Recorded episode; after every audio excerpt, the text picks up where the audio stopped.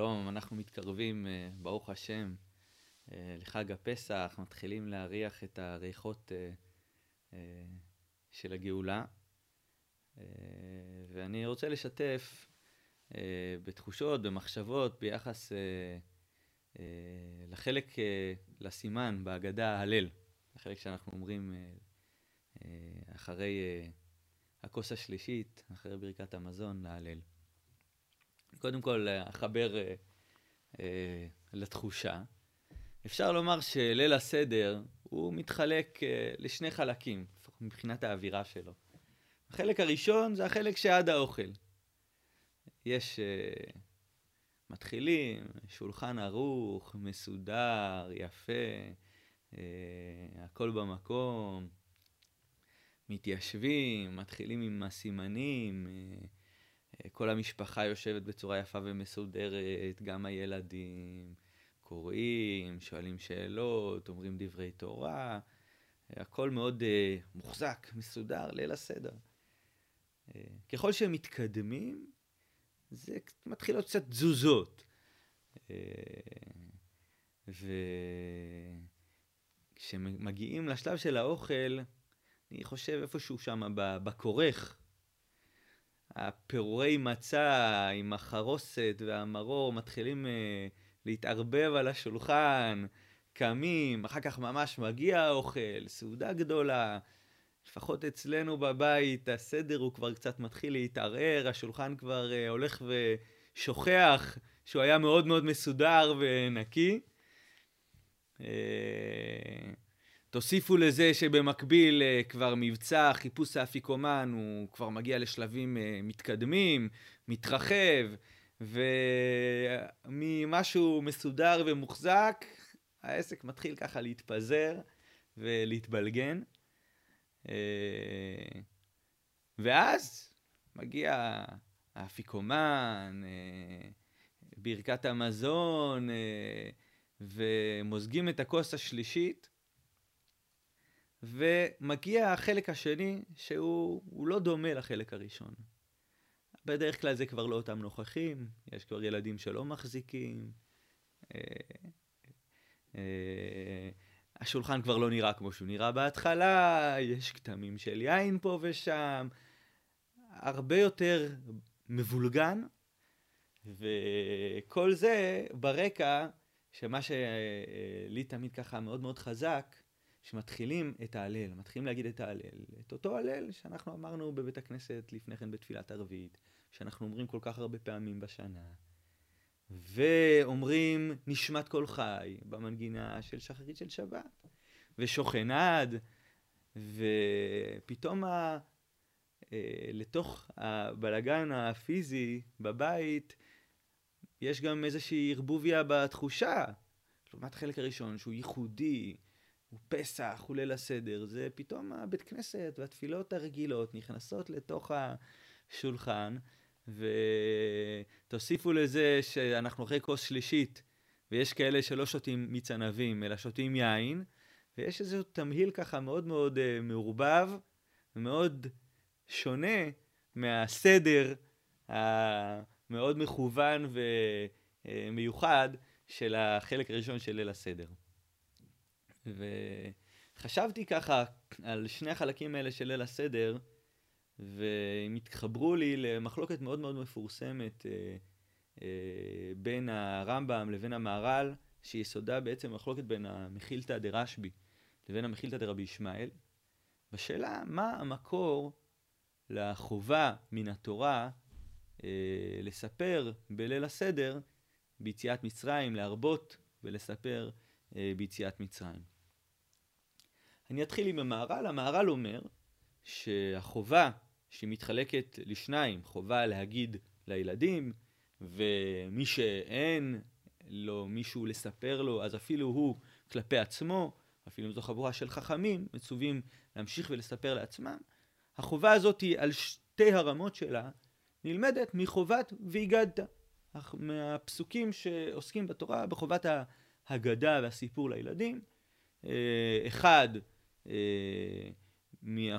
והגדת של שמות, האחד מ"ויגעת" של אה, מחובת ההגדה שמתוארת בחומש דברים, ששם אה, מה שמובא כבן החכם, ששואל מה העדות החוקים והמשפטים, משמע שגם מי שיודע, יש מצווה אה, שישאל, יש מצווה שיענה, יש מצווה שיספר, והמוטיב המרכזי של הסיפור של ליל הסדר הוא החובה לשאול ולהגיד ולספר ולפרסם ולחשוף את הרבדים החדשים שעדיין לא, לא התגלו. ו, ואולי אה, אפשר להעצים את זה עוד יותר ולומר שהחובה שגם מי שכבר יודע וחכם ימשיך וישאל, אולי החובה היא קודם כל להכיר בזה שיש לנו מה לשאול, שיש מה שאנחנו לא יודעים, להיות בתעלומה, להיות בחיפוש, להיות בשאלה, ומתוך זה גם ממילא יבואו תשובות ויבוא חידוש, אבל זה המרכז. המרכז הוא אה, האמון וההכרה בחשיבות ובצורך אה, לחפש, לשאול ולהמשיך אה, לפעול את פעולת הנס שפעלה, פרצה בעולם ביציאת מצרים, ואנחנו מצווים להמשיך לתת לה לפרוץ אלינו, לפרוץ דרכנו, לסייע לפרוץ לאנשים אחרים. זה העניין הייחודי אה, של ליל הסדר. הפריצה הזאת היא הרוחנית. אה, הרמב"ם אה, בהלכות חמץ ומצה מתאר את הדברים בצורה אחרת, אני אקרא, גם מהדברים שלו בהלכות חמץ ומצה וגם בספר המצוות. והרמב"ם כותב שהוא מבוסס על המחילתא, המחילתא דרשב"י, דברי המהר"ל זה על המחילתא דרבי ישמעאל. והרמב"ם אומר כך: מצוות עשה של תורה לספר, זה פרק ז' אה, הלכה א', מצוות עשה של תורה לספר בניסים ונפלאות שנעשו לאבותינו במצרים, בליל חמישה עשר בניסן, שנאמר, זכור את היום הזה אשר יצאתם ממצרים, כמו שנאמר, זכור את יום השבת. ומניין שבליל חמישה עשר תלמוד לומר, והגדת לבנך ביום ההוא לאמור, בעבור זה, בשעה שיש מצה ומרור מונחים לפניך.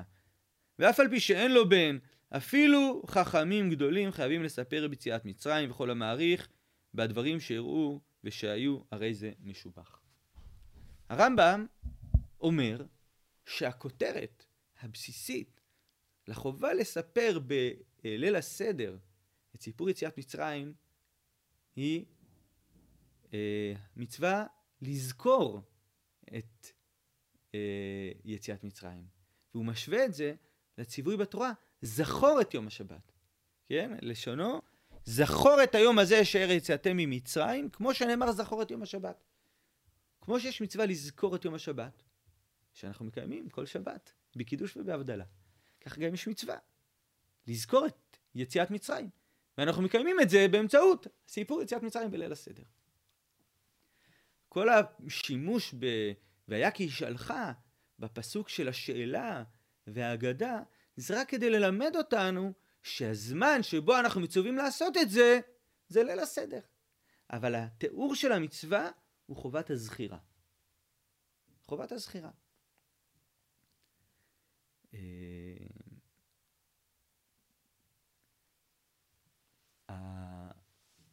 המהר"ל ועוד שואלים על הרמב"ם. קודם כל זה הפך את זה להיות משהו הרבה יותר אה, אה, פשוט. זה לא חובת הזכירה. אז אולי מספיק לעשות קידוש.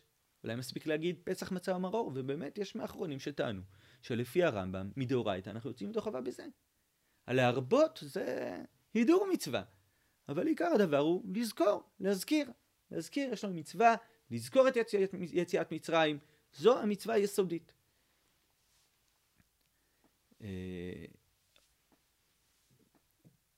אה, זה כשלעצמו כבר מעורר שאלה, אז אה, הפך את זה להיות משהו הרבה יותר אה, רגיל, כן? אה, גם הרבה פחות אקטיבי אולי, פחות תעלומה, לא השאלה היא המוקד פה של העניין, אלא הזכירה.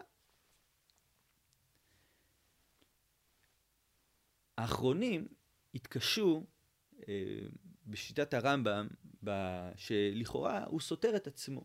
כי אם הרמב"ם מבין שהפסוק, ש... זכור את יום הזה אשר יצאתם ממצרים, הוא מתייחס רק לליל הסדר, איך הרמב"ם פסק ב... אה, איך הרמב"ם פסק בהלכות קריאת שמע, פרק א' הלכה ג', לכאורה אה, הפוך. הרמב, אומר הרמב"ם שם כך, אף על פי שאין מצווה ציצית נוהגת בלילה, קוראין אותה בלילה, מפני שיש בה זיכרון יציאת מצרים. ומצווה להזכיר יציאת מצרים ביום ובלילה, שנאמר למען תזכור את יום צאתך מארץ מצרים כל ימי חייך.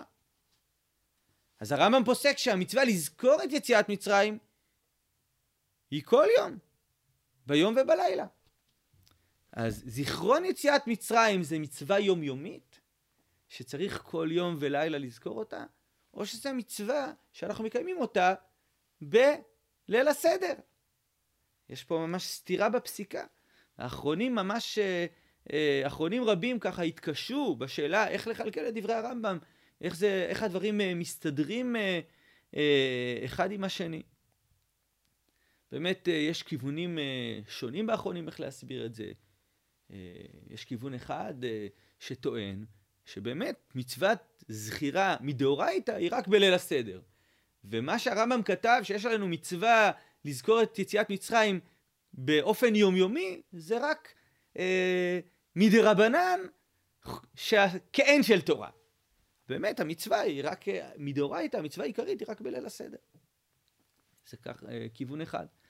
הפרי חדש אה, הסביר שבאמת יש המצווה לזכור את יציאת מצרים היא מצווה יומיומית. ובליל הסדר יש לנו שתי מצוות. מצווה אחת היא מצוות והגדת, שהיא כלפי מי שלא יודע. זה המצווה לפרסם. זה באמת לא נלמד ממצוות אה, הזיכרון, למען תזכור את יום צאתך מארץ מצרים. כל מה שהרמב"ם מביא את מצוות הזכירה, זה רק לאלה שכבר יודעים, לחכמים. ובאמת, מי שהוא לא במקום הזה שהוא בעצמו לא יודע, או שיש לו מישהו שלא יודע כדי לספר לו, אז ליל הסדר שלו הרבה יותר הוא מינורי. אין לו בליל הסדר את המימד של השאלה והתשובה, ויש לו רק את המימד של הזכירה. והרמב"ם פתח בעצם עם זכור כדי להגיד זה המינימום, זה הבסיס, בזה כולם מחויבים. ויש מצווה נוספת שרק מי שיכול ויש לו מישהו לספר לו, הוא יקיים אותה. זה מצוות השאלה והתשובה, ההגדה. ההסבר הזה, אה, לעומת ההסבר הראשון, יש לו יתרון גדול, שהוא באמת מסביר שבשני המקומות, הרמב"ם כותב הלכות שאין מן התורה. אה, גם בליל הסדר יש מצווה דאורייתא, וגם המצווה היומיומית בהלכות קריאת שמע לזכור את יציאת מצרים היא מצווה מן התורה. אבל אה, קודם כל הוא יצר לנו באמת שני סדרים שונים לאנשים שונים. והקושי בו הוא שהרמב"ם לוקח דווקא את המצווה הזאת של הזכירה ושם אותה אה, כפתיח, כמה שעומד אה, בתחילת הציווי. אה, זה לא נראה שהמצווה העיקרית היא אגדה, זה הליל הסדר הרגיל, ומי שאין לו ליל הסדר, אז לפחות יעשה קידוש, לפחות יזכור. נראה שזה זה, זה, זה, העיקר, זה הבסיס. והוויגנטה זה רק בא ללמד אותי באיזה יום עושים את זה. חשבתי שאולי אה, מה שהרמב"ם בא ללמד אותנו, שבאמת זאת מצוות זכירה.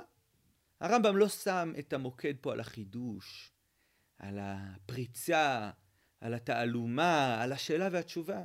יש פה באמת מצוות זכירה.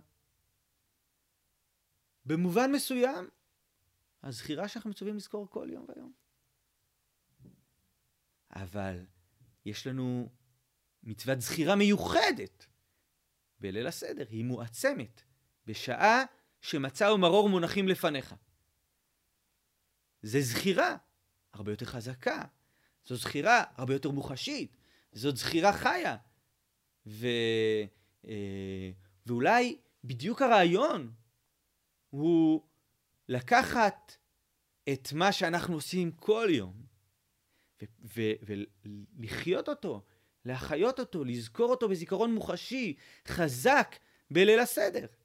והזכירה היומיומית שזכרנו כל השנה, פתאום היא מתעצמת בליל הסדר. ומכוח הזכירה הזאת של ליל הסדר אנחנו זוכרים, אנחנו לא פורצים, אנחנו לא מחדשים. אם יש מישהו שלא יודע, אז גם אנחנו נלמד אותו. אבל העניין הוא לזכור.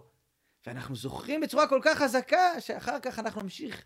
כל הזכירה של כל השנה היא תקבל חיות ו- ו- ונביאה מחודשת מהזכירה הזאת אה, של פסח. אה, וכשאני מחבר את שני ה... אה, אה, שתי התפיסות האלה של ליל הסדר, אה, למה שתיארתי בתחושה בהתחלה, אז אני חושב שהחלק הראשון של ליל הסדר, באמת יש לי בו את התחושה הזאת של המהר"ל. שמכוונים אל השאלה, אל התשובה, אל ההגדה, כולם נמצאים, מחזיקים את כולם, ועסוקים באמת ב, ב, בסיפור, בפרסום, בפריצה אל המחוזות החדשים. אה, והחלק השני הוא, יש בו איזושהי ערבוביה כזאת, אנחנו לוקחים את, ה, את התפילות, את ההודיה שאנחנו רגילים לעשות, שאנחנו מכירים אותם, ומכניסים אותם לליל הסדר, ומזינים את הליל הסדר במה ש... ב, בתפילות ובהודיה שאנחנו עשינו כל השנה, והם גם נותנים להם חיבור ונביאה חדשה שמכאן ואילך אה, עד השנה הבאה. בעזרת השם, שנזכה גם לזכור בצורה פשוטה וחזקה וחיה, אה, וגם אה, לגלות אה, תעלומות ולפרסם אותן. חג שמח. Cada יום.